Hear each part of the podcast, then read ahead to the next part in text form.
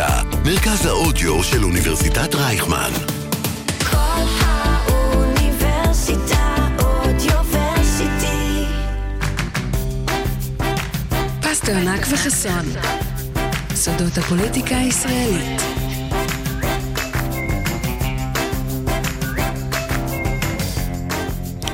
סודות הפוליטיקה, 4 באוגוסט.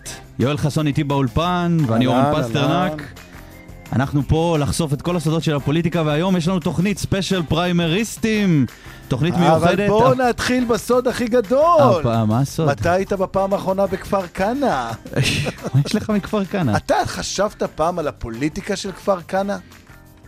בוא נעשה תוכנית על הפוליטיקה של כפר כנא. זה מדהים, איך, מה אתה אומר? מדהים איך בדיחה מלפני השידור ממשיכה לתוך הזה. נו, מה, אם לא, אז היחידים מה, שנעשה אז מה? תוכנית 60 דקות על הפוליטיקה המפלגתית של פעילי הליכוד, פעילי מפלגת העבודה ופעילי מרץ בכפר אה, כנא. בכפר כנא.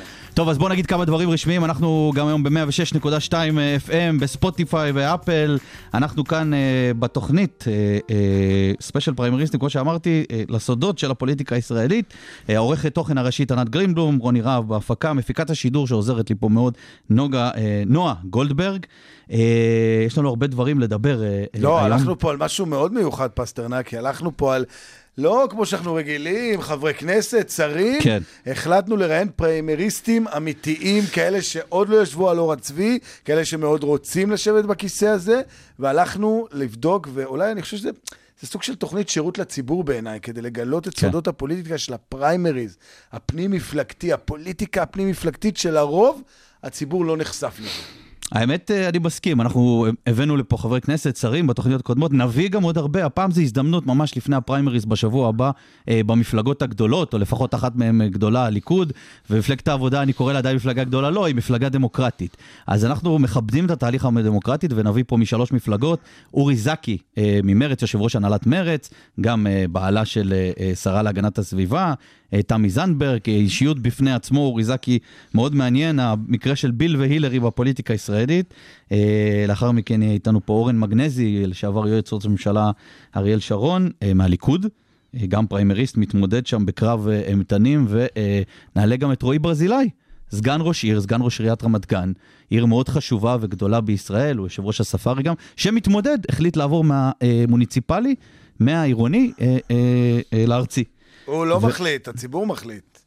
מה זה הוא לא מחליט? הוא לא מחליט, הוא יכול לנסות, אבל הציבור לא, הוא יקבע. החליט לעבור לזירה. הוא, לא, הוא- הוא החליט להתמודד כדי להתמודד, להיכנס לזירה. בוא, אם הוא לא יצליח, הוא יחזור לרמת גן. זה בסדר גמור, אבל אבל, לפ- זה יפה שמנסים. אתה יודע, אני רוצה להגיד לך כן. משהו. אני התמודדתי בחיים שלי בפריימריז. כן.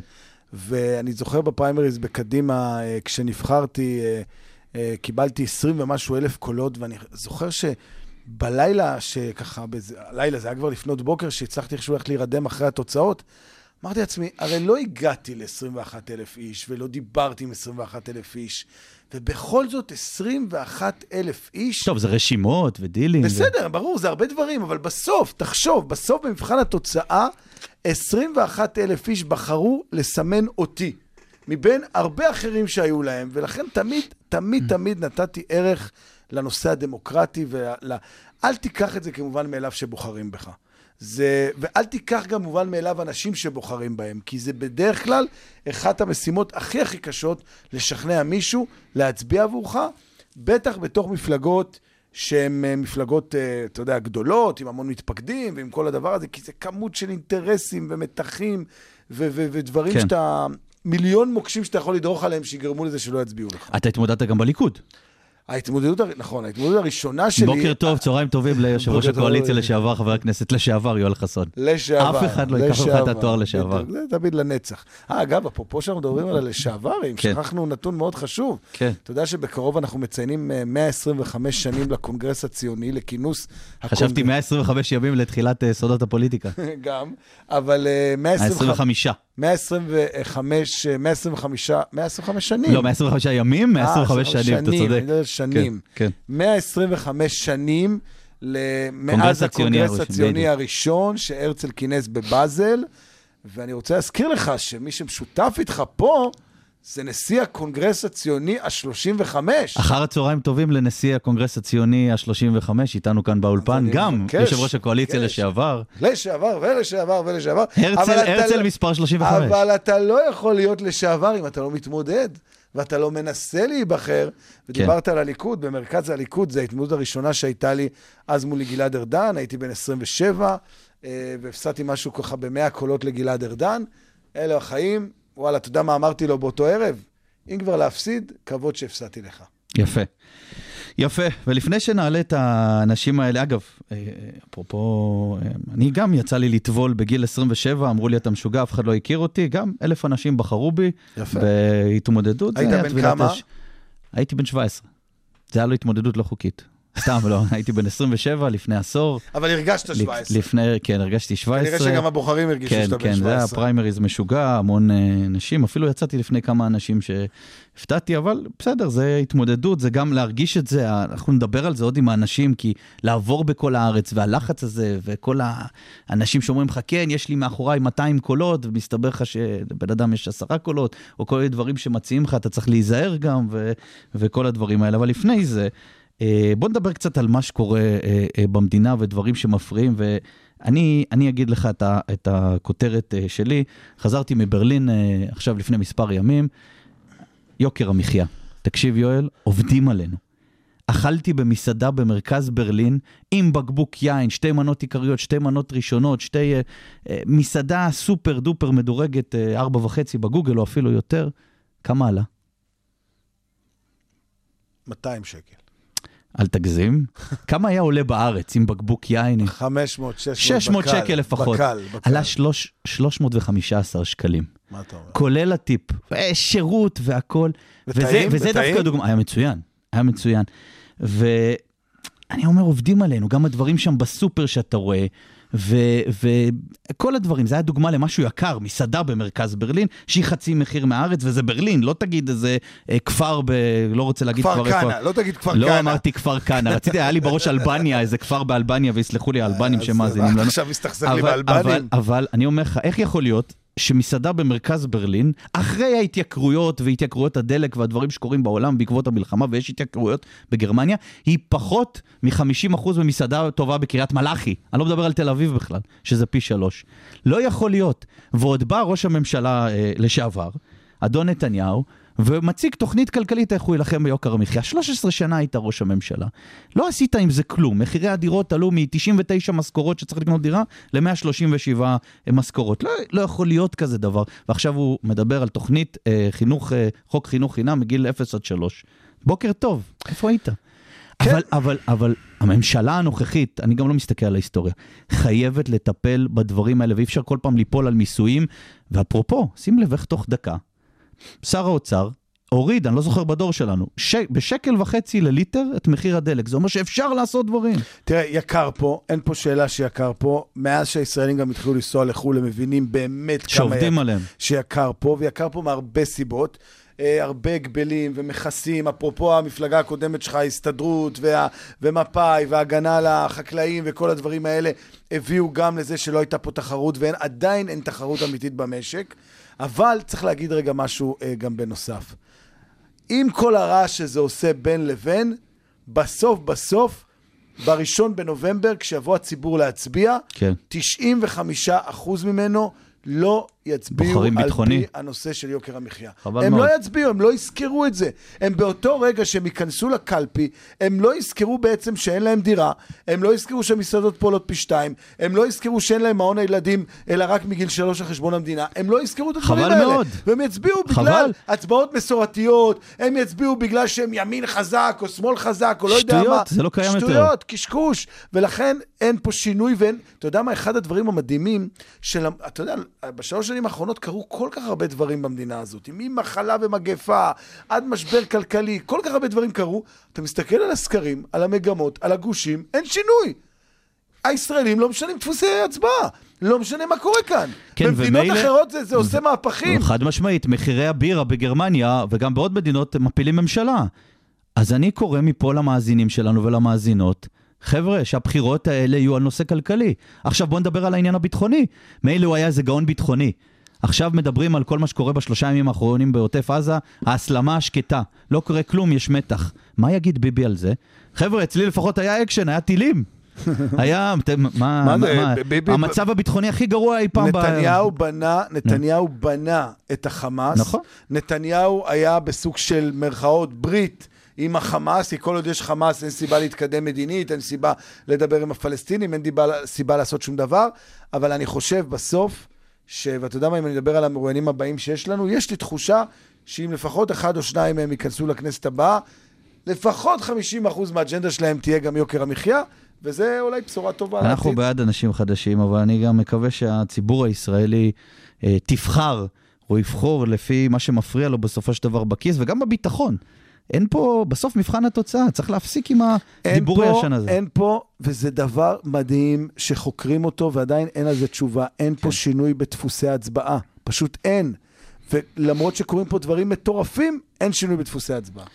כן, ומיד אה, נדבר גם עם אה, הפריימריסט הראשון שלנו אה, להיום, אורי זקי, יושב ראש הנהלת מרצ. ואיתנו על הקו אורי זקי, אורי זקי, יושב ראש אה, הנהלת אה, מרצ, מתמודד בפריימריס של אה, מרצ, ובעלה של השרה להגנת הסביבה, שהייתה פה פאנליסטית פעם בתוכנית הקודמת שלי, תמי זנדברג, שלום אורי. היי. אחר הצהריים טובים. איך נשמע? במרצ? מה, מה, מה? מה, אתם דיברתם יחד. כן, כן, יואל. פה אמר לך אמרתי, שלום. אהלן, מה נשמע אורי? כיף לשמוע. ממך. איך איך הולך בפריימריס במרצ? הולך מצוין. אה, קודם כל, עצם זה שיש פריימריז במרץ זה לא דבר ברור מאליו. אה, במשך שנים, רוב הפעמים אה, בחרנו במה שנקרא ועידה. כן. גוף קטן של אלף איש, עכשיו הוא אפילו 800 איש.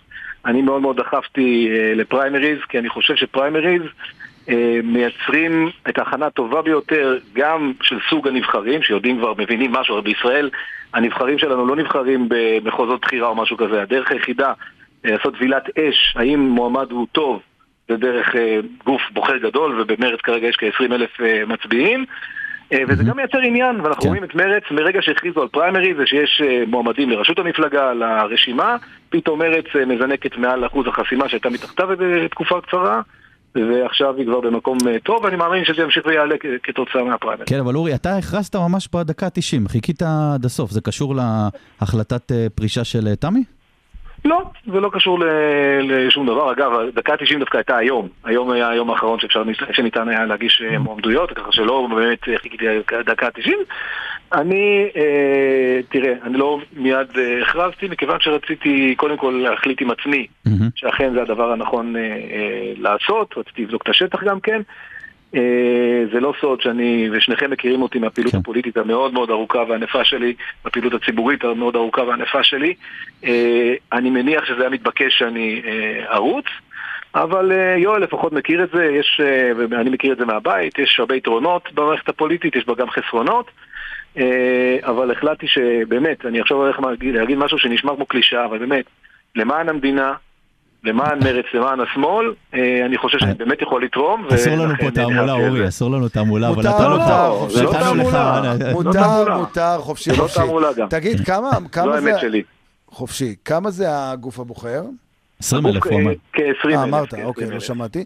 אה, יפה, תגיד רגע, אה, מה באמת היום, כשאתה, כפי שאתה רואה את מרץ, אני צריך צריך להגיד גם משהו על מרץ, מרץ תמיד נראית אה, מפלגה מאוד נקייה כזאת, מאוד כזה אלגנטית וזה, אבל מי שמכיר אותה מבפנים יודע שיש שם וואלאק מחנות, ו- והמון המון אה, אש ותמרות עשן, וקבוצות, וסכסוכים, אז... מה, מה, איך זה בא לידי ביטוי ביום-יום? הרי יודעים שאתה לא כל כך מהמחנה שתמך בזהבה גלאון, ועכשיו זהבה גלאון חוזרת. מה, מה זה אומר מבחינתך? יש כאלה שחוסמים אותך, שרואים בך כבר מישהו שצריך לחסל אותו? פוליטית כמובן. קודם כל, מרצ מצד אחד זו אכן מפלגה מאוד אידיאולוגית, ואנשים אנשים ערכיים, ואני יכול להגיד לכם שהשיחות שאני עושה עכשיו עם אנשים, אה, הם, הם שופטים דברים, קודם כל בדרך הפריזמה הרעיונית, ואני שמח שאני יושב בול, אבל בול על הנקודה הנכונה של אה, מרצ, מצד אחד איש שמאל גאה, מצד אחד, אה, מצד שני אדם שהוא, יש לו אה, רקורד של עשייה כן. וכל הדברים האלה, אבל כן, מרצ זה לא... זה לא תנועת נוער, זו מפלגה, ובמפלגה, כ- תמיד, ככל המפלגות, יש תמיד פחות אה, כוח לחלק מאשר כאלה שרוצים לקחת בו חלק, בטח אה, אחרי שהיינו עכשיו, אה, או עדיין, בממשלה, ודבר שהוא קצת אה, חד, חדש למרץ אחרי כמעט פעם 20 ראשונה שנה. ב-20 שנה, כן. כן, אז בוודאי שיש אה, מאבקי כוח, זה טבעי, זה חלק מהחיים המפלגתיים. אה, להגיד שאני אני בהחלט מועמד חזק, אני חושב, אני, רוצה להגיד ככה בצורה מבוססת, אני חושב שמבין, אה, בטח המועמדים שאינם חברי כנסת עכשיו, ויכול להיות שגם חלק מחברי הכנסת, אני בהחלט בולט, יש לי קודם כל בולטות אה, ציבורית מאוד מאוד גבוהה. אה, דבר שבדרך כלל אנשים שאינם חברי כנסת אין להם את הדבר הזה, וזה שוב, בזכות הפעילות שלי וההישגים שלי וההופעות המאוד תכופות. ורגע, בזכות בתקשורת. אולי, בזכות אולי זה שאתם סוג של פאוור קאפל, אולי אה, ביל והילרי של הפוליטיקה הישראלית. אני, אני, רגע, אורי, רגע, אני, רגע, לא, אני רוצה שהוא יתייחס אני לזה. לא רוצה שהוא יתייחס לזה, כי אני, אני חושב, אני מכיר את אורי זקי כן. המון המון שנים, והיה אני לו... גם מכיר את אורי. שנייה, אבל היה לו, תמיד היה לו, כן. והייתה לו עמדה נכון. לפני שהוא היה במרכאות הבעל של. חד משמעית. בסדר? אני, אני חושב שזה לא הוגן, כמו שאם רגע, היינו... אבל- לא, גם אם היינו עושים את זה ההפך. זה לא הוגן כן. להתייחס לאורי זקי בהקשר של תמר זנדברג, שהוא עכשיו בעלה, ש- בן זוגה של תמר זנדברג. אז אמרתי שהם. פאוור קאפל של הפוליטיקה הישראלית. משהו. כן, אורן, בבקשה. בוא אני אגיד לך משהו, אני אגיד לך משהו. אני את יואל חסון מכיר לפני שאני מכיר את תמר זנדברג. ואנחנו מכירים כשהוא היה ויש לך אותו פה כסנגור, הוא עשה רואה? עבודה יפה. לא, אבל אתה- מכירים. תקשיב, תקשיב כן. למה שאני אומר ומה שיואל אומר. כן. אנחנו- אני הכרתי אותו כשאני הייתי יושב ראש צעירי מרצ כבר בשנת 2005, והוא היה יושב ראש צעירי הליכוד. מהמם. והיינו עושים עימותים ביחד ופעולות ביחד וכל מיני דברים כאלה, בתקשורת אגב. כן. עם כל הכבוד, אני, זה נכון שהכרתי את אה, בת זוגי במערכת הפוליטית, אני שמח שאני, אה, היא, היא באמת אה, אהבת חיי, יש לנו ילדה משותפת, יש לנו משפחה נהדרת, הכל טוב ויפה. אבל כמו שיואל אומר לך, אני אדם פוליטי בזכות עצמי הרבה מאוד שנים, הדבר היחיד ברמה הפוליטית, אוקיי? ברמה הפוליטית אני בחרתי ללכת, אה, אה, ללכת, בוא נגיד, למושב האחורי לתקופה, בגלל שפרגנתי לה, יפה. אבל להפוך אותי למישהו שהוא... אה, זה power couple, אנחנו כן, בהחלט, שנינו אנשים חזקים, שנינו אנשים ערכיים, שנינו אוקיי. אנשים בולטים. תשובה יפה. אבל כל אחד, כל אחד מאיתנו יש לו את הקריירה שלו, ואני גאה ב- אז בשם, בוא, וכן. בסדר. עכשיו, אני אני הולך יותר... קיבלתי, שכנעת אני- אותי. ענית יפה. עכשיו בוא נדבר רגע על ה- על הפריימריז. במה בעצם שונים, אם בכלל, הפריימריז אצלכם, נגיד מפריימריז בליכוד? מה ההבדל? שאתה- פחות אנשים. כפי שאתה- זה יש פחות נכון, אנשים ופחות מקומות. חוץ מאנשים, זה נכון. אבל... אבל- אגב, אגב, אפרופו פחות מקומות, כמה מנדטים אה, מרצ יקבל להערכתך? אני אגיד לך את הדבר הבא, כן. ואולי זה גם כן יסביר למה יש כל כך הרבה מועמדים גם כן וכזאת תחרות. כרגע מכהן בכנסת מספר תשע ברשימה, למרות שהיו לנו שישה מנדטים בבחירות האחרונות. ככה ש... בגלל החוק הנורבגי, כן. נכון. ככה שאני לא יודע כמה מנדטים יהיו. בכנסת הקודמת היו לנו שישה, אה, אני, אני חושב שבהחלט ניתן לחזור על ההישג הזה, ואולי אפילו יותר. אני חושב שמרץ באיזושהי מגמה של אה, עלייה, אה, ואם היא תשמר עד הבחירות, אז אני מניח שאפשר אפילו להגיע להישג יותר גדול מזה. אבל, אה, אבל כן, יש הרבה, אה, כמות המועמדים, אני לא יודע בדיוק כמה היא, ראיתי במפלגת העבודה פרסמו כמה, במרץ לא ראיתי שפרסמו כמה, אבל כאמור היום זה היום האחרון, אז יכול להיות שעוד אה, לא יודעים.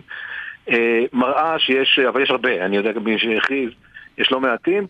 אה, מראה שיש עניין ויש רצון ויש אמונה שמרץ יכולה להצליח ויכולה אפילו לחזור אבל לממשלה. מה, מה, בסדר, על מרץ תדבר עוד מעט שתהיה בעזרת השם ברשימה, אבל כרגע, מה, מה באמת ביום-יום לדעתך, ואתה מכיר פריימריסטים בליכוד גם, מה כן. ההבדל בין מה שאתה עושה לבין מה שהם עושים?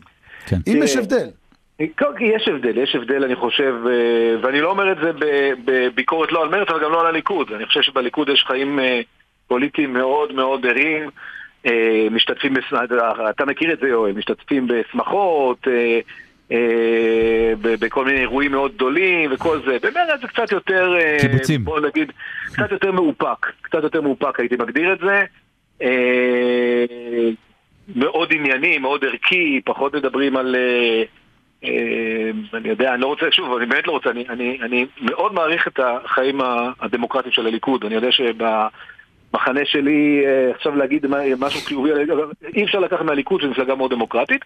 אבל אפשר לקחת אצלכם יש, אה, אי אפשר טיליון? לקחת מהם אין- גם אין את הדברים טיליון? של, אוקיי. של הסגידה כן, לאדם שהוא. אה, אה, יושב בדין כרגע, יושב אה, ב- על ספסל הנאשמים. אה, ולוקח את כולנו לטירוף. אבל את, את החיים הדמוקרטיים שם אני מאוד מאוד מעריך, גם אם יש להם פריימריז, מעולם לא נסוגו מהם, אז יש גם כן מה לראות את הדברים החיובים. יש שם הרבה מאוד דברים שליליים, אנחנו עם סוג המועמדים כרגע, מה אתה צריך להגיד, איזה שבועות אמונים כאלה, כל הדברים האלה, זה בטח שאין כן. באמת. אתה, אתה בעד אה, איחוד של מפלגת העבודה ומרצ? חשבתי, אתה הולך לשאול אם הוא בעד- לשים טיליון נאמנות לזהבה גלאון. זה אף גלון. קודם כל, אגב, יש שני מועמדים במרץ, בוא, בוא רגע לא... חד משמעית יאיר גולן, בוודאי. יש, יש שני מועמדים במרץ, שניהם ראויים, שניהם טובים, שניהם, אה, אה, עצם זה שמתמודדים, בהתחלה יאיר היה מתמודד יחיד וזה לא היה טוב, אחרי זה, אה, ברגע שזהבה הצטרפה למרוץ, זה יצר מרוץ וזה מצוין למרץ, והמרוץ אה, אה, הוא לא הוכרע. אה, אתם אה, חושבים? זה לא, אני לא יודע איך הוא יוכרע, אני, יש לי השערות שלי, אבל זה לא, לא מרוץ מוכרע וזה מצוין. מה השערות. שלך, שזהבה תנצח? אה, אני לא... אני מה לא אתה רוצה מכניס. אותו לזה? לא, הוא לא, רוצה לא, פה לא, כותרת, כותרת. לא, אני לא יודע? אני לא יודע, אני באמת לא יודע, ו- ולפחות אה, יואל מכיר היטב שהרבה פעמים דברים חושבים, בקדימה דוגמה זה היה אז דבר מאוד מאוד אה, בולט, כן. שחשבו משהו שסגור ונעול ובסוף זה לא בדיוק היה ככה, אי אפשר לדעת, אני לא יודע. אז לא הבנתי, אה, אתה בעד איחוד עם העבודה אז ומרצ? זהו, או- נחזור לשאלה שלך. אני, כן. אני תלמידו של יוסי ביילין, הייתי יועצו, בכיר במשך שבע שנים, ויוסי ביילין, כשלמפלגת העב- העבודה היו 34 מנדטים ומרץ 10 מנדטים, כבר אז דיבר על איחוד בין העבודה למרץ. לא בגלל קוניונקטורה ולא בגלל קביים בשביל לעבור איזה אחוז חסימה. אני מאמין ששתי המפלגות האלה יעברו ויעברו טוב את אחוז החסימה. אני חושב שיש מקום, ל, ל, בגלל ששתי המפלגות האלה בסופו של דבר מאוד התקרבו, ואם מותר להגיד בסוגריים, מפלגת העבודה יותר התקרבה למרץ מאשר מרץ לעבודה, זה נכון. אני חושב ש, שיש מקום, לא בטוח שזה טוב, לא בטוח שזה טוב. אין טוב ורע בפוליטיקה, יש מה לא, שקורה. הכוונה, אני אסביר מה אמרתי, אורי. לא בטוח שזה טוב להם, מפלגת העבודה הייתה תמיד יותר מפלגת- מפלגה מרכזית. אה, זה שהיא הולכת אורן. שמאלה, לוקח אורן. ממנה את המנדטים ליש עתיד, אורן, למשל. אורן, יכול להיות, יכול להיות ויכול להיות הפוך, יכול להיות שזה תהליך, תהליך בלתי נמנע. בוא, בוא נזכור רגע, כן. אוקיי, איך אה, מרב מיכאלי, שבסוף לא מזוהה כל כך עם המחנה המרכזי, רוצה, ל... אה, היא חשוב לה כן להיראות ככזאת, אבל בסוף, כשהייתה מועמדת, והיא הביאה את מפלגת העבודה תחת אמיר, שהייתה אה, עם אפס כבר, והיא הביאה אותה לשבעה מנדטים. ו- ודווקא עם, עם, עם אמירות שלכל הפחות מזוהות מאוד, מאוד עם הצד היותר אה, שמאלי, פרוגרסיבי, כן, על פמיניזם, על דיבור אגב כן. בלשון נקבה, כל מיני דברים כאלה, והיא קיבלה הצבעה מסיבית על זה. לא יודע מה זה נכון או לא נכון. מפלגת העבודה, בגלל כל מיני סיבות אה, היסטוריות ופוליטיות, הגיעה למקום שהוא לא מקום של אחת משתי מפלגות השלטון בישראל. אין, היא לא, היא לא אז שם. אני, אני אגיד משהו לסיום. תראו, העניין הוא פה, ואנחנו מדברים הרבה פה על פוליטיקה, אבל מיומנות פוליטית ודברים האלה. אני חושב שאחת הבעיות של המערכת הפוליטית בשלוש שנים האחרונות, שאין מספיק אנשים מיומנים פוליטית. שהרבה מאוד מחברי הכנסת שמגיעים הם סוג של עוברי אורח בפוליטיקה, בכנסת, הם כוכבים נולדים, בגלל זה המערכת לא מנוהלת, לא יודעים, הפוליט... יש הרבה פוליטיקאים בלמעלה, אבל בלמטה אין. כן. ואורי זקי הוא לא כזה. אורי זקי הוא תוצר פוליטי, אדם פוליטי שיודע להתנהל פוליטית, י- י- מכיר את מסדרונות הכנסת בעיניים עצומות, ומכיר את, ה, את, ה, את הטכניקה הפוליטית. ואני חושב שישראל צריכה דברים כאלה, ואני חושב שגם מרצ צריכה. אורי, אחרי פרגונים כאלה, לא אחרי- לא פרגונים כאלה, מה שנקרא, לא, צריך לעשות דרופ מייק פשוט. לא, לא, לא, זה, אני, אני, אני אומר את זה, אני לא אצביע למרץ, ואני לא אצביע לאורי זקי, כי אני לא חבר מרץ, אבל אני אומר את זה כי עדיין, אני... חו- עדיין. אה, גם לא, אבל אני חושב... עדיין. אני חושב שצריך... כשבכל המפלגות יהיו אנשים שנולדו בפוליטיקה, יהיו פעילים בפוליטיקה, עשו. תפקידים בפוליטיקה, והכנסת היא השיא שלהם. אורי, שאלה... ראינו, ב, ב, ראינו כן. עכשיו ב, בקדנציה האחרונה איך כל מיני כאלה שהביאו אותם בלי התהליך הדמוקרטי, אנשים אני שלא... מסכים, אני מסכים. ב- מחוץ למערכת הפוליטית, פשוט הפילו ממשלה מצוינת בישראל. נכון. ושאלה ככה לסיום בעשר שניות, אתה תתמוך ביאיר לפיד אה, לראשות הממשלה? בוודאי, אני חושב שיאיר לפיד הוא ראש הגוש, אה, המרכז-שמאל, והוא צריך אה, להיות המועמד שלנו לראשות הממשלה, אה, אין שום ספק. אורי זקי, יושב ראש הנהלת מרצ ומתמודד בפריימריז במרצ, אין מה להגיד חוץ מתודה רבה לך. תודה תודה רבה. לכם, יום טוב. ביי ביי. טוב, טוב, בסדר, אומר? אה, מה אני אומר? אני אומר שבאמת אני מסכים אה, עם אה, זקי שהמרץ די התעוררה בזכות הפריימריז, הם היו נשארים בקומבינות הקטנות שלהם, של איזה כמה מאות חברי ועידה, אז הסוף של המפלגה הזאת היה הרבה יותר קרוב, אבל יש לה אתגר, למרץ יש אתגר גדול. יואל, אני לוקח אותך בתור סנגור שלי אם אני אתמודד יום אחד, אם ככה דיברת על אורי, אבל אני אגיד לך משהו אחד. זה כמובן נאמר בהומור. אני לא בעד הקריאות גוואלד של מרצ, שקוראים כל קמפיין. ואני אגב לא בעד איחוד. אני, דעתי, אני לא כרגע חבר באף מפלגה. אה, כל מפלגה לעצמה, הוכח בפעם שעברה, בבחירות שעברות, שהם מצליחים להשיג יותר מאשר... אני חושב שמרצ ועבודה זה מקרה קלאסי בפוליטיקה, של אחד ועוד אחד שווה אחד וחצי. ואם הם יהיו בנפרד, דווקא מרצ צריכה למשוך שמאלה. מפלגת העבודה אולי יתמרכז. אה, אמנם אה, מרב מנסה להציג את מרב מיכאלי מנסה להציג את עצמה כסוג של רבין, היא לא, אבל אה, אולי זה דווקא טוב לשתי המפלגות, והאיחוד במקרה הזה יביא פחות. אגב, הוכח בבחירות השניות, בבחירות מספר 2 ב-2019, שזה הביא רק, אה, אם אני לא טועה, חמישה או שישה מנדטים. כן, אז, אתה, אתה, כנראה, אתה כנראה צודק, אבל כל עוד אף אחת מהן לא בסכנה של ליפול מאחוז החסימה. אם אין את הסכנה הזאת, אין להם טעם להתאחד, אני מסכים איתך. ואנחנו נעבור אה, תכף במעבר חד, חד, לליכוד, חד, חד. לליכוד, לאורן אה, מגנזי, מתמודד אה, בליכוד, שיהיה איתנו אה, מיד על הקו. ואיתנו על הקו אה, אורן מגנזי, יועץ ראש הממשלה שרון לשעבר, ומתמודד בפריימריז אה, לליכוד, המשוואה השנייה, הצד השני של המפה הפוליטית. צהריים טובים לך. שלום לכם. שלום, צהריים טובים. איפה אנחנו אורן. תופסים אותך? בהסתובבות בין אה, כפר לכפר, ב- ב- בין דילים לדילים? רגע, אורן, יש לי שאלה, לכפר כנא כבר הגעת? אה, כפר כנא זה המוטיב של התוכנית הזאת. אה, בכפר כנא, אה, אין לי מצביע אחד. המצביעים שלי הם כולם באזור אה, אל תהיה תל אביב, חולון, אינטרסנט, בת אל תהיה. אינטרסנט, רק ללכת לאיפה ש- שהקולות שלך. תלך. לכו אז בוא נאמר. ככה, אני עד לפני שבועיים וחצי, כמו כל אה, מי שרץ במחוזות, אני הייתי צריך לבקר בכל הארץ, לא צריך, זאת אומרת, מאוד רציתי, כן, מצפת ועד אה, אילת. אבל ברגע ששינו את השיטה, אז פתאום בעצם התבקשנו להכיר עשרת אלפים איש שאת חלקם הכרנו, אבל פתאום הם, הם, הם האנשים שמכניסים אותך ואתה מתמודד. במחוז תל אביב. מחוז תל אביב, שהוא נמצא במקום ה-41 ברשימה, המכובד. הלא אה, ריאלי. אה, ב- בוא- איך אומרים, בוא נשמור על אופטימיות. אני חושב שהרבה מהמתמודדים שנמצאים במשבצת הזאת הם מקווים שיהיו איזשהו... אה, אה, חברי כנסת אה, בחוק נורבגי מורחב שיאפשרו להם בסוף להיות. אה, בוא נאמר ככה, היו חברי כנסת שנכנסו אה, להיות חברי כנסת כי הם האמינו יותר אה, מאשר הממוצע שהליכוד יקבל מנדטים, ככה אמיר, אה, אמיר אוחנה נכנס, כי אף אחד לא חשב שהמקום של דוד יהיה ריאלי, אז היה לו יחסית פחות תחרות בתור מועמד חדש, ויש עוד, עוד כמה וכמה דוגמאות כאלה. אורן, אנחנו, אתה יודע, אנחנו נקראים סודות הפוליטיקה, אתה היית גם יועץ אה, של ראש הממשלה שרון. אולי תספר לנו קצת משהו מהאינסייד על הפוליטיקה של הליכוד, בלי אה, הדברים שאנחנו רואים, הטיליונים של אה, ביבי, או כץ וברקת, משהו קצת, אה, מה קורה בשטח. אז תשמע, כיוון שאני נער הייתי וקצת זקנתי, כן? אני הייתי... יואל ואני היינו במצודת זאב כשאנחנו היינו טינג'רים. זאת אומרת, בואו נתחיל משם ואנחנו כבר אה, in our late 40's. כן, זה תוכנית אה, נוסטלגיה על יואל היום. אה, בדיוק, אז יש לנו, יש לנו פרספקטיבה, אני חושב.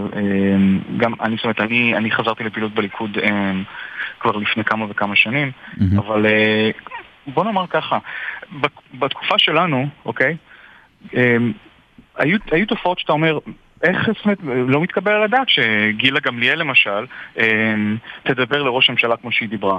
שזה היה נורא מפורסם, ואז פגשתי אותה לפני כמה שבועות, ואני אומר לה, גילה, איך שדיברת לראש הממשלה אז, לפני 20 שנה, נשמע כמו הדבר הכי מנומס שאנחנו מכירים היום. והיא כמובן התפתחה כן. מצחוק, כי היום, היום גילה היא, היא, היא מדינאית, זאת אומרת, היא, ב, ביחס ל, להרבה דברים אחרים שקורים, אבל צריך לזכור את זה, כל חבר כנסת צעיר שמתחיל, הוא מתחיל בבלגן, כי הרי אף אחד אחרת לא ישים לב אליך. וכל אחד מנסה להתאים את עצמו. אתם צריכים לזכור, בליכוד, המרוץ של מועמד כמוני, שמגיע עכשיו pretty much for nowhere, בוא נגיד ככה, בלי, בלי להיות מפורסם באמת, אה, הוא עושה בעצם אודישן, אם הוא נכנס לכנסת, הוא עושה אודישן לשאר הקריירה הפוליטית שלו. מהמם. כי בליכוד ברגע שהיית קדנציה אחת, או אפילו חצי שנה חבר כנסת, בכנסת אה, מה שנקרא פעילה, אז uh, אתה לא יכול להתמודד uh, במחוז או על שריון, והמשמעות היא שאתה צריך ממש לשחק את המשחק של הגדולים. עכשיו, אם לא, אם לא הצלחת לעשות את זה, אז אתה פשוט, אה, איך אומרים, אז עשית פעם אחת בכנסת ואתה פשוט יוצא. זה, אה, זה, זו, בדיוק, זו בדיוק נקודה שצריך לחדד אותה כן. כן. לגבי הפריימריז בליכוד, שבאמת בעיניי השיטה היא שיטה גאונית, שבעצם אומרת, כמו שאורן מספר, נותנים לך הזדמנות ראשונה להיכנס במחוזי, או בשריון, במקרים קיצוניים, אבל בעיקר במחוזי, שאתה צריך פחות קולות וכו' וכו'. הברקת, הצלחת, אתה תתקדם לארצי. לא, אתה תיפלט החוצה. צריך לזכור, גלעד ארדן, יריב לוין, אה, אמיר אוחנה, עוד הרבה אחרים שהם, הכי- גילה גמליאל, שעוד הרבה הם בולטים נורא, הם התחילו בעצם במקומות האלה, ו- נכון. ומצד שני יש הרבה דוגמאות שאפשר לתת של כאלה שהם היו אפיזודה חולפת, הם פשוט עפו להם באוויר. אבל, אורן, מה השתנה מאז? כי אתה באמת הרבה שנים לא היית מעורב ופתאום חזרת, אבל אתה ראית מה זה פריימריז, היינו מעורבים שנינו בפריימריזים גם לראשות מפלגה של אריק שרון וגם דברים אחרים. מה השתנה? מה, מה, מה, במה הפריימריז של היום שונים מהפריימריז שהיו נגיד לפני עשר שנים או עשרים שנה? אז אחד, אני אשמח לענות, אני רוצה רק להשלים את מה שאמרת. מי שהתחיל גם כ... בוא נגיד אה, פופוליסט, בסדר? או מישהו שהתחיל בתור חבר כנסת נורא רועש, שהיה עושה גימיקים ושטויות. בוא נגיד ככה, אם הם לא היו באמת אנשים רציניים, הם לא שרדו. מי שנמצא היום זה אנשים בסופו של דבר ש- שגדלו והתפתחו. גלעד היה עושה הפגנות וגילה הייתה תוקפת וזה... תראה אותם היום, זה אנשים שהם כאילו הם, הם, הם, הם ה top tier של הליכוד. אמיר אוחנה, זאת אומרת, זה אנשים שבעצם גדלו להיות... אה, זה, אז הזמן עשה את שלו, ומי שהיה טוב שרד. את אמיר אוחנה אה, לא הייתי מגדיר ממלכתי יותר מדי. לא מדבר על ממלכתי, אני מדבר, על- אני מדבר על המעמד שלו בליכוד. יש לו. מעמד מאוד בכיר בליכוד. הוא התחיל בתור אדם שהיה אנונימי, והוא הוא שרד, אה, הוא, שרד כבר כמה קדנציות. אז בעיניי בעיני זה, זה מראה שאתה אתה יכול, אומרים, קיבלת את האודישן הזה, אתה יכול להצליח ולהיכנס כן. ל- אה, למשהו אחר. אז, אז מה שיש, אז, אה, כל, כולם מספרים לי, אמרו לי, תשמע, מגנזי, לא היית פה הרבה זמן. והכל השתנה, אתה לא מכיר כלום וזה דינמיקות אחרות. אז אני חייב להגיד לכם, אני לא רוצה לענות לאף אחד, אה, לאף בוחר שאומר לי את זה, אבל אני רואה את אותם פרצופים ואת אותם דינמיקות ב-80%. באמת, זה, זה ממש מדהים, זה אחד הדברים היפים בליכוד, שזה זה סוג של משפחה שכשמישהו מישהו נמצא בה, הוא לא, הוא כמעט אף פעם לא עוזב. אבל זה באמת אז- משפחה, לא, לא שמים רגליים לחבר'ה חדשים, נתניהו לא מנסה לדחוף אנשים מסוימים הצידה, תענה בכנות, אני יודע שיש איזה זה- פחד שאומרים את המילה נתניהו לא, בליכוד. לא, לא, כן. לא. אגב, אתמול פגשתי אותו, אה, אחרי שלא ראיתי אותו 17 שנה, הייתה פגישה מאוד לבבית.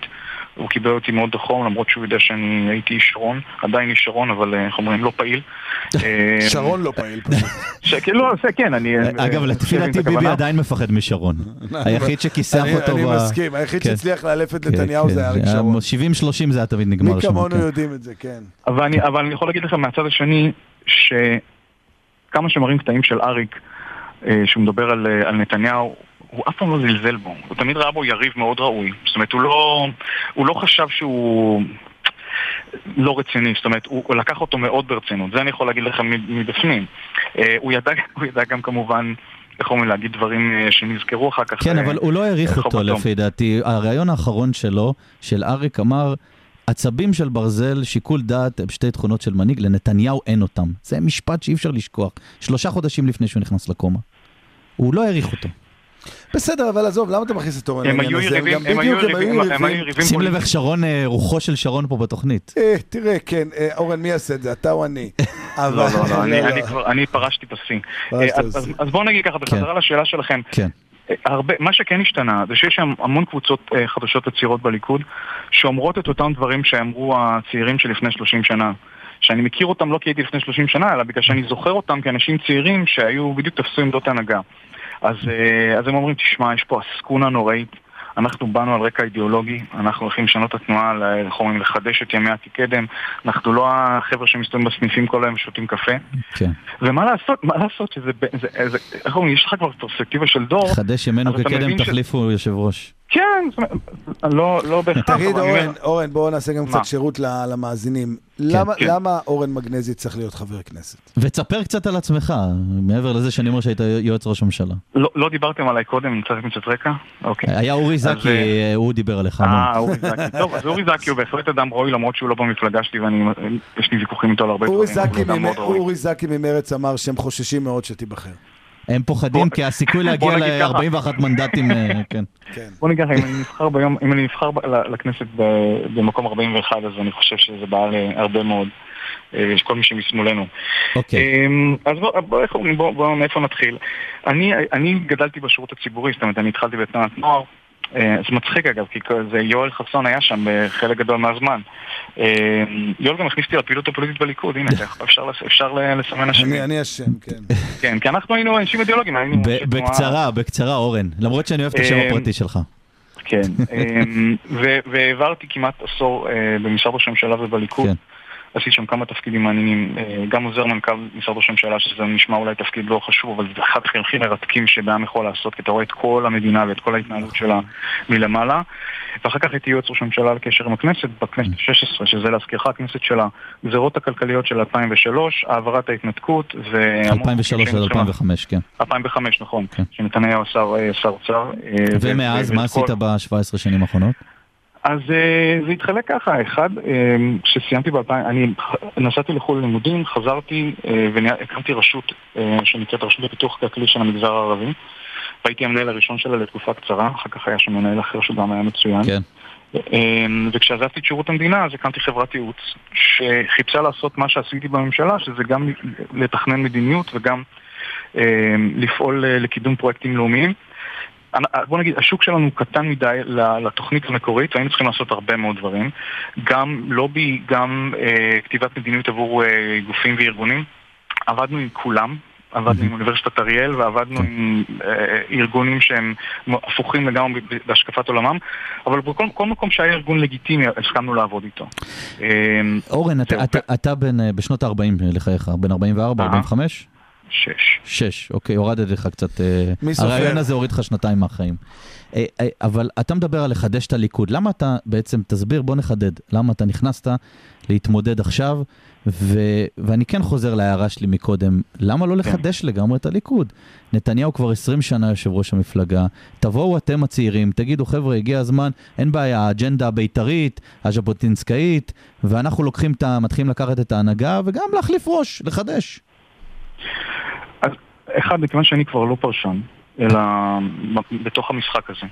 כן. אז אחד אני יכול להגיד לך שכרגע, במצב שאנחנו נמצאים בו היום, כן. שהכלכלה היא הדבר, אפשר להגיד, הכי חשוב, וזה פוגע מסכים, בכל אחד ובכל. מקום, ובכל מקום. איך אומרים, אובייקטיבית, הבן אדם ש, שטוב שיהיה על ההגה זה בנימין נתניהו.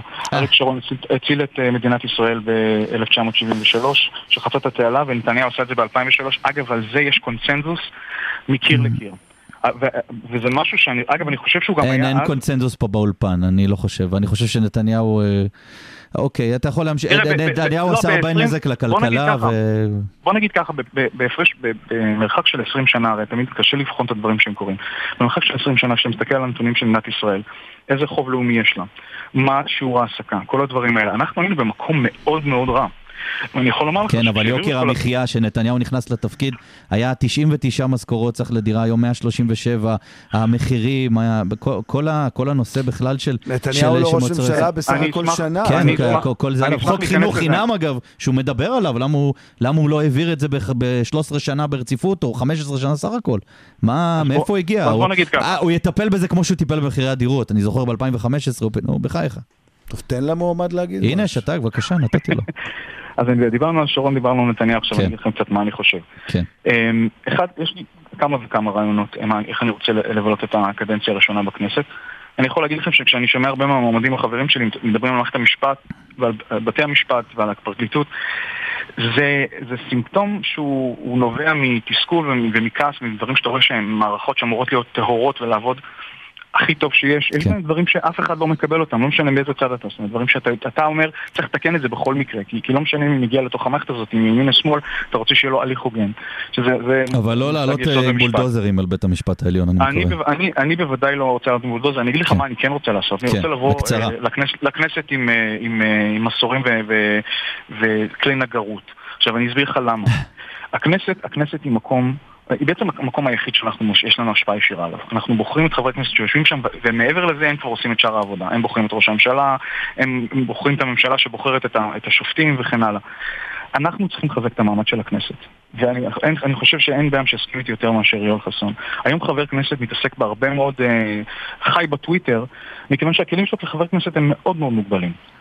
אתה יודע, זה שאין שום חוק שאני מכיר, אה, כן. שמחייב מישהו להגיד אמת לכנסת. זאת אומרת, אתה צריך לבית דין לתעבורה, אתה חייב להגיד את האמת, אבל כשאתה הולך לכנסת, אם אתה פקיד, או אם אתה מגיע לשם במסגרת איזשהו דיון, אין לך, אין, אין לך חובה להגיד את האמת. עכשיו, יש, יש המון המון דברים שאפשר לעשות, אמ, שאני אני לא מתאר שיש לנו את הזמן להיכנס אליהם, אבל העיקרון המנחה שלהם הוא שבסופו של דבר אנחנו לא, לא נמשיך לשבת בשולחנות עגולים כמו בשולחן הפסח או בראש השנה בתוך הוועדות. הוועדות יש את העם הנציגות של העם, שזה חברי הכנסת שישבו קצת אגב, יותר החברי גבוה, כמו כנסת בקונגרס. שלך בקדנציה האחרונה לא ישבה, לא, יש, לא ישבו בוועדות בכלל, אבל זה עניין אחר. אורן, אנחנו משפט לסיום, כי אנחנו חייבים לסכם, למרות שהעלית פה כמה אה, דברים יצירתיים. אז אחד, אה, אה, אם אתם רואים את שמי בטופס ההצבעה בשבוע הבא. לא, לא, אה, לא, אנחנו- מקווים, אז זה לא לא. הם, לא אתם, הציבור הכללי, כן, חברי כן. הליכוד בתל אביב. אה, אז אה, תבחרו נבחרת. תעמולה, אה, תעמולה, אנחנו לא אה, יכולים, ושוברת שוויון, סליחה. אוקיי, אז אה, לא, לא, לא, יש פה. יש פה מועמד, אנחנו החלטנו לתת במה למועמדים, תפסיק להפריע. אין לנו שום במשפט- חוקי תעמולה ושום אחד. פתיח. יש, יש. יש מועמד, אה, קוראים לו אורן מגנזי, יש לו מועמד, קוראים לו אורן מגנזי, שיש לו המון ניסיון ציבורי, והוא מתמודד, ותן לו להגיד את המשפט האחרון. משפט אחרון. בלי לסמן בטופס, תגיד הסיבה- משפט אחרון, כן. אז הסיבה, הסיבה שאני אה, מתמודד היא כי אני רוצה שלליכוד תהיה נבחרת שוברת שוויון, ואני מאמין שאני יכול לתרום לזה. אורן מגנזי, רבה. תודה רבה לך, ואנחנו. נשמע אחרי הפריימריז, אולי נעלה אותך שוב פעם לשידור. תודה רבה. תודה תודה רבה. תודה. אוקיי, אוקיי. יאללה, בוא נרוץ לבא בתור, לרועי ברזילי. עברנו ככה את כל המפלגות, והנה האחרונה, וחביבה? אני- אני חייב... מפלגת העבודה? איך- חביבה כן, בעיניך? כן, כן, חביבה, חביבה, ח- אתה ח- אתה עוד זוכר חביבתי, לה חסד חביבתי. נעורים, או שזרקת אותה לפח האשפה של ההיסטוריה, את המפלגה הזאת בשבילך? תגיד לי, כן. אני עכשיו אהיה פוליטיקאי, למה בליכוד הם לא יכולים להתנער מביבי? שים לב איך העברתי את יאללה, השאלה. הם עזוב לא יכולים ביבי, להתנער. ביבי, הם צעיר, הוא בחור צעיר, יותר טיפה יותר צעיר ממך. כי זה ו- התאבדות, כי ו- זו התאבדות פוליטית. בוא נדבר דוגרי. 70% מתפקדי הליכוד הם תומכי נתניהו. בשביל מועמד היום להיות נגד נתניהו זה התאבדות. יאללה, בוא נתקדם. טוב, אז נעבור, אה, נקפוץ שוב פעם לצד השני של. של המפה הפוליטית, ותכף נעלה את אה, סגן ראש מאזינים עיריית... שלנו את כל המרחב. כן, כן, ותכף יהיה איתנו סגן ראש עיריית רמת גן, רועי ברזילי. אחר הצהריים טובים לרועי ברזילי, סגן ראש עיריית רמת גן, ורק שנייה, אני שומע אותך פעמיים, אה, אה, סגן ראש עיריית רמת גן ומתמודד אה, בפריימריז אה, במפלגת העבודה. מה שלומך? מצוין, מה שלומכם אתם? אהלן, אהלן. מצוין. נו, איך הפריימריז במפלגת העבודה? דיברנו פה עם מועמד מהליכוד, ממרץ, אה, לוהט, אה, עשרות מועמדים על אה, נכנסת חמישה-שישה כבר, בוא, מקומות. שאלה הכי פשוטה, נכנסת כבר לרשימות חיסול? לא, אצלנו אין כאלה. כן, אתם עדינים. מדי, אתם במפלגת העבודה עדינים מדי. אולי בגלל זה אין לכם מספיק מנדטים, כי אתם עדינים מדי, לא? לא, אני חושב שאנחנו, אתה יודע מה זה, גם העדינות לפעמים אה, מביאה. אתה יודע, אנחנו נמצאים בעולם גס, כל מי שיותר כוחני וזה לוקח, אבל לא, גם אה, עדינות מתישהו תשתלם, ו... אבל בכל זאת לא, לא סתם עדינות, עדינות עם נחישות.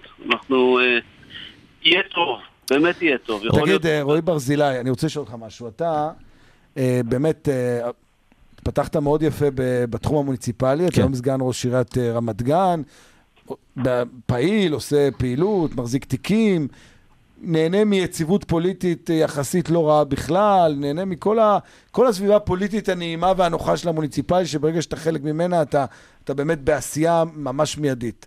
למה לך להיות חבר כנסת? למה, למה אתה רוצה שיבחרו בך? למה לך לעזוב את הזירה במרכאות הנוחה של המוניציפלי? יואל, גנבת לי את השאלה. מה אתה יפה, אומר? בדיוק מה שרציתי לשאול. מתחת לזה לקחתי לך אותה. כן, סגן ראש עיר של עיר קטנה, למה הוא עיר קטנה במרכאות? עיר קטנה, מחליט לא לעשות את ה... כן, לא, זה הבדיחה. כן, רועי. אז כן, אז זה באמת, אה, באמת שאלה טובה. כי, כי, כי כולם אומרים את זה, אבל אני אומר, אני חושב שאני אני, אני למדתי כמה חשוב אותו בסיס כוח שאני יצרתי ברמת גן עבור המפלגה. ואני אומר לך ש, שעבורי ברמת גן הצביעו כמעט 50% משווי של מנדט במונחים ריאליים. ולכן, לו היו עוד הרבה כמוני בערים אחרות, המפלגה הייתה מבינה כמה חשוב בסיס הכוח הזה במקומות אחרים ובכל הארץ, ומאחדים כוחות. אז היינו מקבלים תוצאה אחרת גם בבחירות אה, הארציות. אני חושב שאחרי 14 שנה שאני פה ברמת גן, יצרתי כאן תנועה אדירה. באמת תנועה אדירה שלקחה את העיר הזאת קדימה מכל הבחינה הליברלית, וזו עיר שהייתה אה, עיר, אה, חצי אורתודוקסית וחצי... ואני מנתק את השיחה. חצי, חצי אה, אה, קונסרבטיבית כזו, הפכה להיות עיר מאוד מאוד ליברלית. ואני חושב שהתנועה הזאת תמשיך את הדרך שלי כאן, ואני חושב שאני יכול לעשות את מה שעשיתי ברמת גן. אז- אז- אז למה לא עוד שנה להתמודד על ראשות העיר, אם ככה? ולמה ללכת מאוד לרמה הארצית? אני, אני כרגע מאוד מכבד את ראש העיר הנוכחי, אני חושב שהוא עושה עבודה נהדרת, ואנחנו שותפים טובים, ולכן אני לא מרגיש שום צורך להתמודד מולו אה, לא בעוד שנה, ואולי ב, ב, לא, גם, גם כנראה לא בעוד אה, שש שנים שזה יגיע. אה, כל עוד אוקיי. הוא עושה עבודה טובה ואנחנו שותפים, אה, אנחנו רואים תוצאות לעיר ולתושבים. אז מה בעצם ההבדל בינך לבין, ה... לבין המועמדים האחרים? גם אצלכם במפלגת העבודה יש סוג של שיטה של ג... אישה גבר, אישה גבר, אישה גבר. זה אומר בעצם שאתה אתה במרכאות על הפוזיציה של הגבר, ואתה מתחרה בעיקר עם הגברים. למה, למה בעצם, אה, במה... מה אתה יותר טוב מרם שפע, יאיה פינק, אה, פינק, או איך זה שקוראים לו? מצחיק להגיד אתה על הפוזיציה של הגבר. אתה על הפוזיציה של הגבר. כי במפלגת העבודה זה ככה, או שאת אישה או שאת אישה. כן, טוב. קודם כל, קודם כל, אצלנו, איך אמרנו, אי אפשר שלא לפרגן לכל החבר'ה שמתמודדים ו... פרגונים, אתם נאבקים אחד בשני, רועי, בוא, הפרגונים. תהיו כמו ליכודניקים, סכינים, תורידו את הראש אחד לשני. מה קורה לכם? תפסיקו עם לא, הפרגון הזה. תגיד איזה לכלוך על רם שפע. מאחורי הקלעים הרי יש- יש רשימות כן. מחיקה, יש רשימות חיסול, בוא, אתה יודע. תגיד איזה משפט כמו גלעד גלעד. קריב אה, לא תפקד כמו שצריך, אני הולך לקחת את מקומו, משהו כזה, אתה יודע. רם שפע עושה באמת עבודה... לא, אתה- אל תדבר על מועמדים אחרים, דבר על עצמך. שאני לא- שאני לא פוגע בו והוא לא פוגע בי. אה, הוא משוריין, ואתה רואה, השריונים האלה גם יצרו מצב של אי מלחמה, אה, אה, לרוב. רגע, למה הוא משוריין? למה הוא משוריין? כי הוא קיבוצניק. אה, יש משבצת של קיבוצים. באיזה מקום המשבצת של הקיבוצים? מקום רביעי, ריאלי. זה לא משנה, אבל אם הוא נכנס מקום, אה, מקום, אה, אה, אם הוא נכנס איפשהו, איפשהו לא נכנס, הוא תופס את המקום של הקיבוצים, ואז זה משחרר את המשך הרשימה. זה, אז הבנתי, כך שזה הבנתי, פחות הבנתי. מלחמה. אה, אבל כן, אה, רם שפע, אה, תראה, אין, אין לי, מה שאני מציע, בשונה מאחרים, זה שאני 14 שנה איש ציבור. נבחר ציבור עם קבלות והוכחות ועשיתי את הדברים. אני לא צריך להמציא את עצמי ולספר מה אני אעשה ומה אולי אני אעשה ואיך זה מת- מסתדר עם האג'נדה של מפלגת העבודה או לא מסתדר. אני עשיתי כל דבר שעשיתי, כל פעולה שעשיתי בעיר רמת גן, קשורה היטב לטבורה של מפלגת העבודה ותנועת העבודה. כל פעולה ממאבק על עיר חופשית כן. ודרך, אה, ודרך מאבק על, על, על, אה, אה, על גינוי הרב הראשי שהוא לא להשכיר דירה להומואים ולסביות, לא להשכיר דירה לערבים, ויצאתי במאבק, וכמעט כל דבר וכל אמירה שאני אומר בעיר הזו, היא קשורה למפלגת העבודה, ולמעשה אני מייצג את האינטרסים של העיר. אגב, אגב, לזכותך ייאמר שמצעד הגאווה בתקופה של הקדנציה שלכם הפך להיות אה, שם דבר ברמת גן. זאת אומרת, שמתם את זה כאתה וראש העיר כרמל שאמה כמשהו בטופ. לא רק מצד הגאווה, דמיין לעצמך אוטובוסים בשבת. מתי זה היה? רמת גן, אה, אה, אה, כרמל שאמה ואני הובלנו את הסיפור הזה, הצלחנו להוביל את האוטובוסים, מיד אחרי זה כל הערים בגוש דן התחילו להפיץ את האוטובוסים, עכשיו זה יוצא כבר לשרון, ואולי. מדינת ישראל תשנה את החוק המטומטם. אה, אולי. תגיד אגב לשרת התחבורה שלך, אולי תגיד לשרת התחבורה שלך, לעשות תחבורה ציבורית בשבת. שרת התחבורה אמרה את הדברים עכשיו. והדבר הכי חשוב שת- שתבינו, בנובמבר השנה הקו האדום יתחיל לפעול. נכון. מפתח תקווה עד בת ים, הוא לא צפוי לפעול כרגע בשבת. תחשוב איזה אבסורד זה. מאות מוניות שירות, מכוניות נוסעות ביום שישי בערב, על הכביש בז'בוטינסקי בחלק של בני ברק, אבל קטר אחד שיסיע 400 אה, אנשים מתחת לאדמה יפריע לחבר'ה של בני ברק. תראו. אה, אני רוצה. ש... בסדר, אנחנו לא ניכנס, אנחנו מדברים יותר על פוליטיקה, פחות כרגע על, אה, על התחבורה, ואני רוצה להגיד, אנחנו לא סתם... זה פוליטיקה, זה אג'נדה שלו. בסדר, אבל אנחנו לא סתם, אורן, בחרנו את האנשים שאנחנו מראיינים אותם היום, כי באמת כולם, גם אורי זקי, גם אורן מגנזי וגם רועי ברזילי, הם כולם אנשים שהם תוצר של המערכת הפוליטית הישראלית. הם אנשים נכון. שגדלו והתפתחו בתוך הפוליטיקה, ודיברנו כמה פעמים כמה זה חשוב שאנשים מהסוג הזה יהיו בפוליטיקה ולא עוברי אורח וכוכבים נולדים. ואני רגע רוצה באמת אה, לשאול אותך לגבי מפלגת העבודה. מפלגת העבודה סיימה את הבחירות האחרונות בשבעה מנדטים, זה היה נחשב הפתעה גדולה, אחרי שהיא כבר הייתה מתחת לאחוז החסימה. שנה בשלטון, מחזיקה משרדים ממשלתיים, מחזיקה כוח, היום חזרתם להיות על, ה, על הגחון. מה קרה? למה, אה, אתה יודע, בעשייה אתה אמור להצמיח את הכוח שלך, כמו שאתה נגיד עשית במוניציפלי. מה קרה? למה אתם על הגחון? תראה, אני, אני, אני לא בטוח שזה נכון. אנחנו נמצאים בתקופה שלפני פריימריז. תמיד לפני פריימריז יש לך פחות מנדט, פחות עשרה אחוז ממה ש- מהיכולת שלך לפחות. אתה עוד לא מתחיל. תציג רשימה אה, בתשעה באוגוסט, אתה תראה שפתאום מתחילה להיווצר איזושהי תנועה, קודם כל זו תנועה מורכבת. רק שנייה, רועי, אם אתה יכול להיות במקום אחד, אנחנו מאבדים אותך, הקליטה. לעמוד במקום אחד, אני כל הזמן במקום אחד, אני כל הזמן במקום אחד. במפלגת העבודה. הוא רוצה, להיות, אומר- הוא רוצה להיות במקום מקום אחד. אחד, הוא יסתפק גם במקום חמישי, כן. אתה יודע, אתה יודע, אגב, פעם אחרונה שהצגתם אה, רשימה, אה, מעשרה מנדטים שהייתם בסקרים ירדתם לשבעה, עם אבתיסאם מראענה, שזו הייתה תגובה ציבורית לבחירה כן. שלה. אז אתה יודע, ברשימה, אבל- ברשימה לא. יכולים להיות דברים טובים, דברים רעים. אבל. אני מזכיר. שבסקרים היינו פחות ממה שקיבלנו בפועל בסופו של יום, מנדט יותר קיבלנו. גם אז בסקרים זה היה שישה מנדטים, ואחרי זה זה עלה לשבעה אה, אה, בתוצאה. ואני חושב שזה גם מה שיקרה. עכשיו יקרה עוד דבר, אה, שאנחנו שוכחים. החבר'ה של, החבר'ה של גנץ ותקווה חדשה יצטרכו לאותת ימינה קצת כדי למשוך מצביעים מהימין, וזה ידחוק מצביעים אה, שהיו פעם לגנץ, ידחוק אותם ליש עתיד ולמפלגת העבודה, אין לי ספק בעניין הזה. תגיד, אתה חי גם- בשלום עם, אה, עם זה שמרץ ועבודה היום מושוות להיות מפלגות דומות, זהות, מבחינת ששתיהן נמצאות בשמאל העמוק? אתה חושב אני ש... לא- כן, ואני אמשיך את השאלה של יואל, אנחנו שאלנו קודם את אורי זקי, הוא היה בעד איחוד של המפלגות. אתה בעד איחוד? תראה, לא, אני חושב שאם אנחנו יודעים ברמת ודאות של קרוב לוודאי ששתי המפלגות ישרדו את המערכת בחירות האלה עם לפחות ארבעה מנדטים, אני אומר, זאת אומרת, יעברו את אחוז החסימה בארבעה מנדטים, אין שום סיבה להתאחד. כל תוצאה של חיבור עלולה להפחית אה, מה- מהכוח המצרפי של שתי כן, המפלגות האלה. אני מסכים לזה. אבל מה, ולכן- מה, מה עם העניין של השמאל העמוק? למה מפלגת העבודה נתפסת היום בשמאל עמוק כמו מרץ? אני חושב שהיא עוד רחוקה מל... תשמע, אני לא רואה חבר כנסת של מפלגת העבודה הולך להסתובב עכשיו אה, כמו מוסי רז בשטחים, עם כל, ה... עם כל הרצון, אגב, שאנחנו מאוד מזדהים כמובן עם זה, אבל זאת, יש מרחק, אה, יש מרחק מסוים שעדיין קיים אידיאולוגית במפלגת העבודה למרץ. אה, נכון שבהרבה היבטים של הזהות וה- והנושא של אה, להט"ב והנושא באמת של... פה יש אה, אה, אה, מתאם שלם סביב העניין הזה, אבל בסוף יש עדיין אה, אידיאולוגיה אה, מבחינה בין שתי המפלגות האלה, אני עדיין מרגיש את זה. ולכן זה עוד לא, עוד לא בשל לשלב הזה להערכתי. תגיד, אה, שגם אחרי שהיה חיבור, זה נוצר פיצול שוב. תגיד, רועי ברזילי, בעצם הפריימריז, הפריימריז האלה הם, הם בין השאר לבוא ו, ולסמן את ה, אולי את הדור ההמשך של מפלגת העבודה, מי האנשים שיקבלו אמון, אז, אז מי, מי בעיניך צריך להמשיך להוביל את העבודה? מרב מיכאלי, אתה רואה כבר אנשים שצריכים להתחרות עליו, למרות שהיא נבחרה. ערן חרמוני, היה קרב קרב חרמוני, צמוד היה בדיוק, שם. מה, מה אתה חושב על הקרב הזה שהיה בין תראה. רן חרמוני לבין מרב, שבסוף הוא ניצח אותה, צריך להגיד, על תראה, המסקנות. ציער אותי, ציער אותי מאוד ה- עצם, עצם המאבק הזה. אה, מה זה צייר אותך? מה אתה אהרון ידלין? מה, מה, לא, לא, מה, מה זה התשובה הזאת של אהרון אגב, ידלין? אהרון ידלין, בן אדם מדהים, יש בן אדם מדהים. יש פה משהו, יש פה, בעיה, תשמע, יש פה בעיה, בכל זאת, בסוף אתה צריך אה, אה, לנהל. וקשה מאוד שיש שני ראשים שמנהלים את זה בצורה אה, שונה ולא מסתדרים ביניהם, בכל- ארגון ובכל גוף.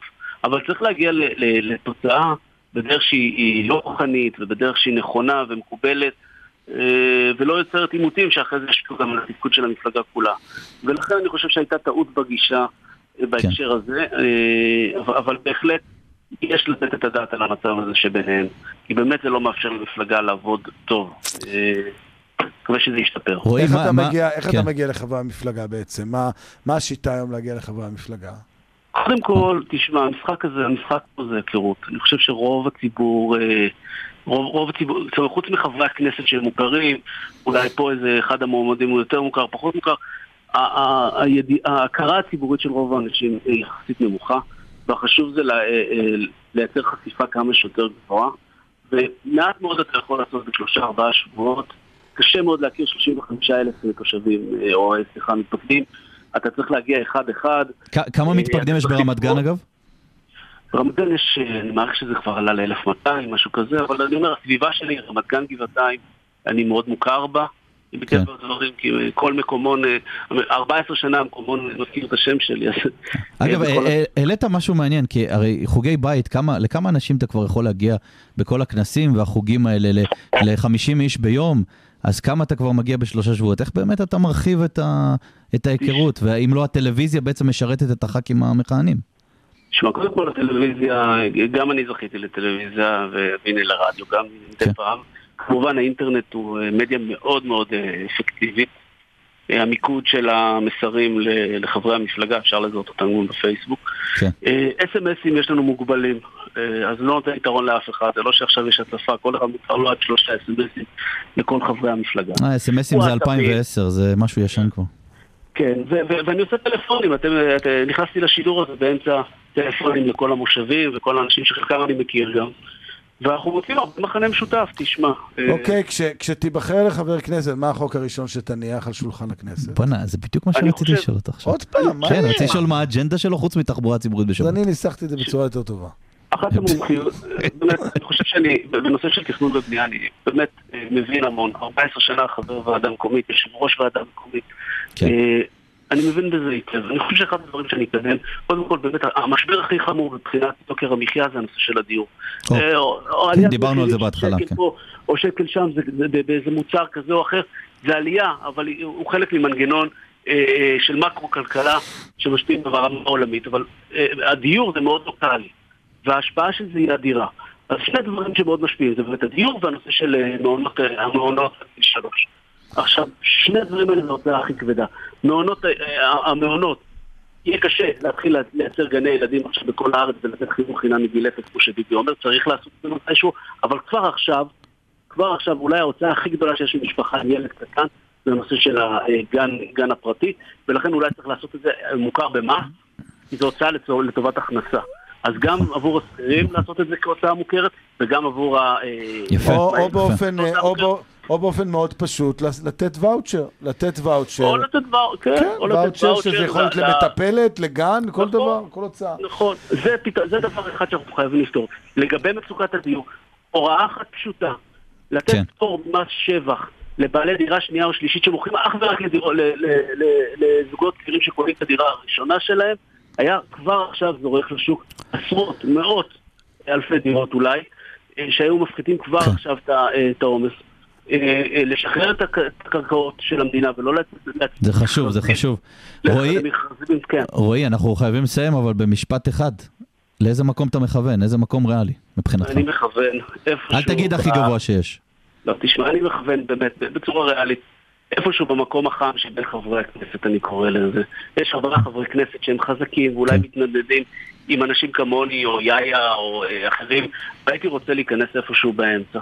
יאללה, בסדר. שזה אומר מקום, אה, מקום שישי-שביעי. מקום מה, שלישי, אני- רביעי בגברים, זה ישמח אותי מאוד.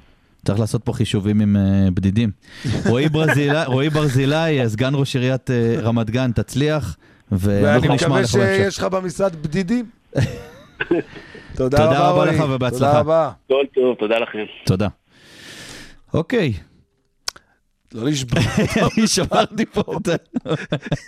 טוב, זה- אני מבין הרעיון. הרעיונות פה עם תשמע, הפריימריסטים, המס אה, שבח... אה, הרעיונות כן. פה בפריימריסטים, תראה, אני אני אומר לך, לא, הרעיונות היו מעניינים, אבל פשוט... אה, היו. מאוד מעניינים. קודם כל, כיף לשמוע מועמדים שאינם חברי כנסת, שהם באמת כן. ברמה, יודעים לבטא את עצמם, יש להם עמדות, יש להם תפיסות. זה, זה, לי זה לא עושה טוב, לא יודע, אולי נדבר כמו זה איזה יפה, זקן, לא, אבל לא, זה טוב, אני לא קצת, יודע, קצת, טיפה, עם. הנוסטלגיה. אהרון ידלין כזה כן, יצא לי עכשיו. זה מצער אותי, איך הוא אמר? מצער אותי? מצער מצ- אותי, לא, מצער מצעיר אותי. לא, מצער, מצער אותי, לא, אמר אמר. משהו אחר, אבל לא משנה. לא, תשמע, יש להם פשן אה, למועמדים האלה, ובאים, אה, טוב שהאנשים האלה יהיו חברי כנסת, לא משנה מאיזה צד, ויבואו וישנו. אתה רואה אנשים שיחברו, תראה, הוא יכל להמשיך להיות סגן ראש עיר, למשל. הוא והוא מחליט לעשות את ה... כן, והוא החליט לעשות את ה... את השינוי כן, הזה להשקיע- והקפיצה. נכון, אני אומר לך, גם אנשים, ולא סתם בחרנו ל- לדבר על זה הפעם. כן. אגב, בוא אנשים- נגיד שהפריימריז שלהם הכי קרובים הם ב- ביום אה, שלישי הבא, בתשעה באוגוסט של מפלגת העבודה. ואנשים לא מספיק מבינים, כן. אנשים לא מספיק מבינים איזה השקעה נפשית, כספית, ברור. אנרגטית אדם מוציא כדי כן. לעמוד לבחירות בפריימריז, בגופים גדולים של עשרות אלפי מצביעים. מינימום של עשרות אלפי שקלים גם. ברור, זה כסף. ולהתמודד במפלגת העבודה, רק על זה צריך עשרת אלפים שקל, רק לשים על התמודדות. נכון, נכון. מעבר נכון. להוצאות לכן, וה- אל- אל- והדברים. ואני גם, מי שמהמאזינים שלנו, שהם חברי מפלגות, תאזינו בסבלנות למועמדים חדשים, תנו להם. צ'אנס, הם משקיעים הרבה זמן, ולכו להצביע, זה אין פה שאלה בכלל. יואל, הייתה לנו פה תוכנית מאוד מעניינת, נכון מאוד. וגם אני לא נשכח את הקריאה שלנו לעניין אה, יוקר המחיה ושיפסיקו לעבוד עלינו. אגב, זה חזר אצל כל המועמדים שהיו אצלנו בתוכנית, הנושא הכלכלי. ואנחנו נהיה פה בשבועות הקרובים, ואין לנו ו- ארץ אחרת. ואין לנו ארץ אחרת. ואני. ואתה נשנה את העולם. פעם הייתי מסיים כל שידור של מונופוליטי ככה. אה, באמת? אה, כן, כן, עם אה, זה של אריק בוא נתחיל. בזה שנשנה את ה- את הסביבה שלנו, בסדר? כן, אני מסכים. העולם, העולם- העולם משתגע, פסטרנק, העולם משתגע. תראה נכון. מה קורה באוקראינה. אתה יודע, אגב, עכשיו מה שקורה בטיוואן, שהסינים פועלים עכשיו נגד טיוואן, אני לפני כן, כמה כן. חודשים צייצתי ואמרתי שהשלב הבא זה פעולות של סין נגד טיוואן, אז אלוהים ישמור העולם. לא, לא דיברנו היום בוא בינלאומי, ננסה כן. לשמור עלינו. כן, כן, פעם שעברה זה היה עם היה ביידן, כיף, פעם שעברה. פסטרנק, היה כיף. היה, היה לי כיף גם, ובאמת. אה, קצת תודות שוב פעם, אה, העורכת תוכן הראשית ענת גרינבלום, רוני רהב אה, בהפקה, מפיקת השידור נועה גולדברג, ואנחנו נהיה פה, נמשיך עם סודות הפוליטיקה, לגלות ולהכניס, ונהיה פה עם חברי כנסת, שרים ומרואיינים מעניינים גם בשבועות הקרובים, ולא נחסוך מילים עד שנמצא את התשובות להכל ועד שננצח. תודה רבה לך. תודה רבה, אורן.